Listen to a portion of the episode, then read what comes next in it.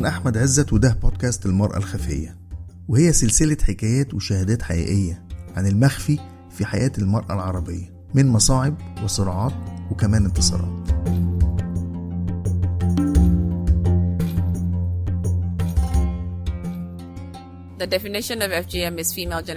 تعريف ختان الإناث أو بتر الأعضاء التناسلية للنساء هو البتر الجزئي أو الكامل لأعضاء المرأة التناسلية.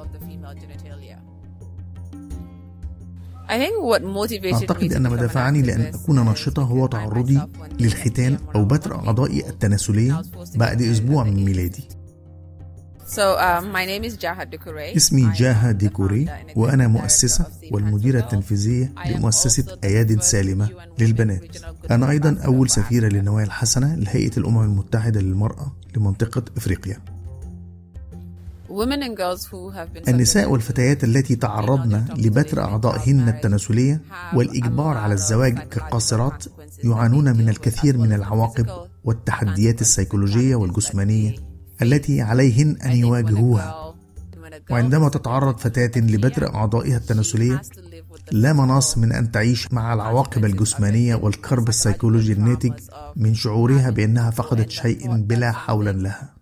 أعتقد أنه شيء يسلب الكثير من المرأة والفتاة So I think it's it's something that takes away a lot from women and girls.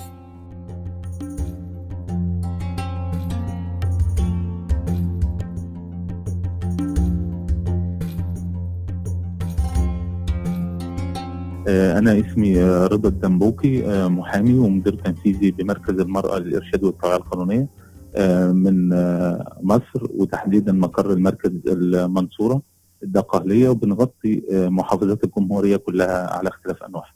حال ال- الوضع نقدر نقول مركب ومعقد جدا آه، مش هنلقي باللوم على حد معين. في الثقافة المجتمعية في كمان الأطباء. مؤخرا الناس بتتصور إن الختان آه، يعني رغم إنه يكونوا جريمة الا انهم لا زالوا بيطبقوه.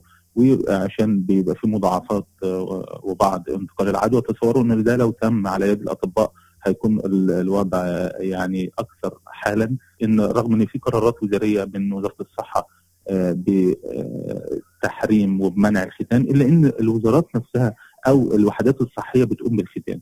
آه، في فيديو مشهور آه، هو نقيب الأطباء بمحافظة السويس بعد مقتل آه، ميار موسى آه، سئل آه، إزاي ده يتم في مستشفيات حكومية؟ قال عادي ما هو ده الطبيعي إنه بيتم. وبعدين البنت بتبقى لا فيها حالات في حالة بتحتاج كده قلب النص ده بتبقى عندها قد كف اليد.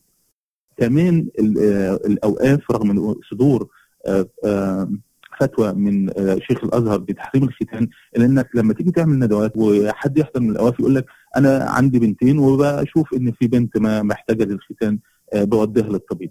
اذا فين التوعية اللي أنت كدولة بتقولي إن أنا بحققها وبقوم بيها؟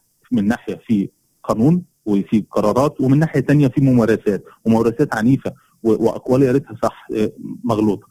آه، من تحليلنا لواقع الأحكام آه، إن الحكم الأول آه، في ختان الاناث في الدقهلية كان أخذ براءة في المحكمة الجزئية وتم الاستئناف وكانت العقوبة هزيلة جدا. صدر حكم بعقاب المتهم ثلاث شهور. والشرطة سابته سنة وأربع شهور حتى يتم القبض عليه.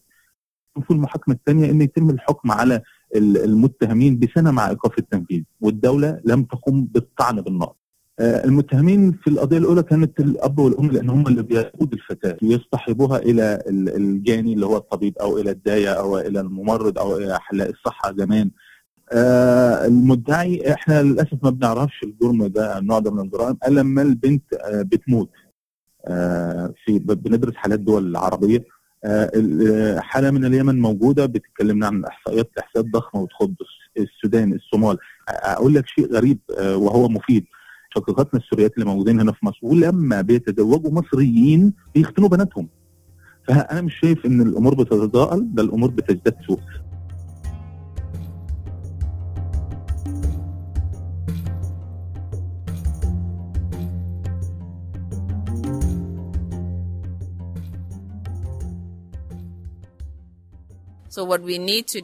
ما يجب أن نقوم به هو البدء بإيجاد حلول محلية والعمل مع الرموز الدينية والشباب والناجيات. أعتقد هذا هو الطريق في المستقبل وإدماج الإعلام في كل ما نقوم به. أبهرني لقائي مع نائب الإمام الأكبر شيخ الأزهر وأن أستمع منه أن بتر الأعضاء التناسلية هو ميراث ليس له أي علاقة بالدين الإسلامي. أعتقد أن هذا يمثل كل شيء بالنسبة لي. أعتقد أن ظواهر بتر الأعضاء التناسلية وزواج القُصّر في انخفاض نتيجة لحملات التوعية المختلفة ومؤسسات مثل هيئة الأمم المتحدة للمرأة والتي تقوم بأعمال جليلة في الدفاع والعمل مع المؤسسات على المستوى الجذري. فأعتقد الرسالة وصلت وأن المزيد من الناس أضحت مدركة.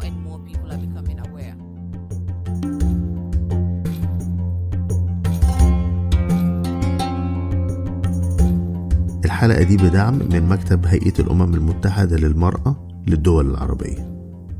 عشان تتابعوا معنا الحلقات بندعوكم تعملوا subscribe لينا على iTunes أو Apple Podcasts دوروا على هاشتاج الخفية بالعربي وهتوصلكم الحلقة مجانا على الموبايل أو الكمبيوتر أول ما نرفعها. وممكن تتابعونا وتشاركونا بالرأي على صفحتنا بعنوان ابتدي على فيسبوك وتويتر وإنستجرام وكل المعلومات دي موجودة على موقعنا ibtidi.com وأخيرا لو عجبتكم الحلقات ممكن تشيروها على هاشتاج الخفيه